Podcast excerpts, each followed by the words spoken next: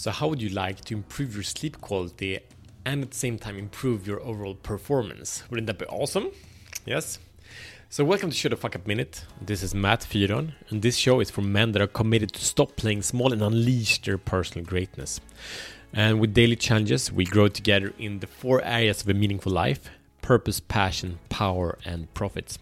So, the problem is that, you know, for many of us, the to do list just takes over and we stay up in the evenings and there is always next thing to do and if it's not next thing to do we kind of relax by diving into something that doesn't put us in a good state meaning you know an action movie or some crime drama or something else right?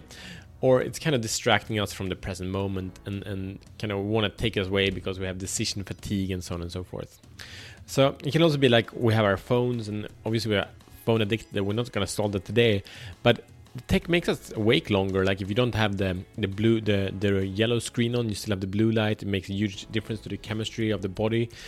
But but it also makes us long awake longer because it's so exciting. It's so triggering with the dopamine kicks just bam bam bam bam. So and also what, what happens then is we we have these things going on and we take the stress from the day from from the day into the night and into the next morning and we all have so much stress. Like even now being at home, it doesn't matter. It's always so much stress.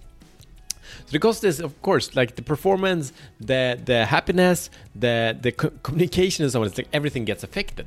So how can we solve this? Um, there's a few p- points like how can we end off the evening in a beautiful, magical way to improve our sleep and performance? Yes.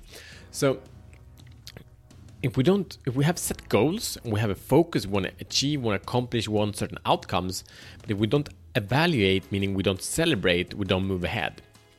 So children un, until age i think it's about 14 they learn through uh, success. And and we learn through failure. Uh, after that we learn through failure. And but still it's so important for us to recognize what actually been working and what has not been working right? So we can check in on day and evaluate and say this was really good and this i will never do this again right?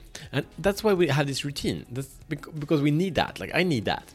So the other part that's super important is also to let go of the stress of the day. So that means we all have things going on uh, physically emotionally mentally spiritually.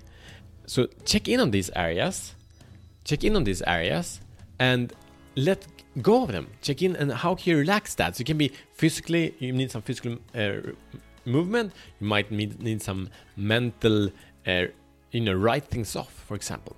So many things to do.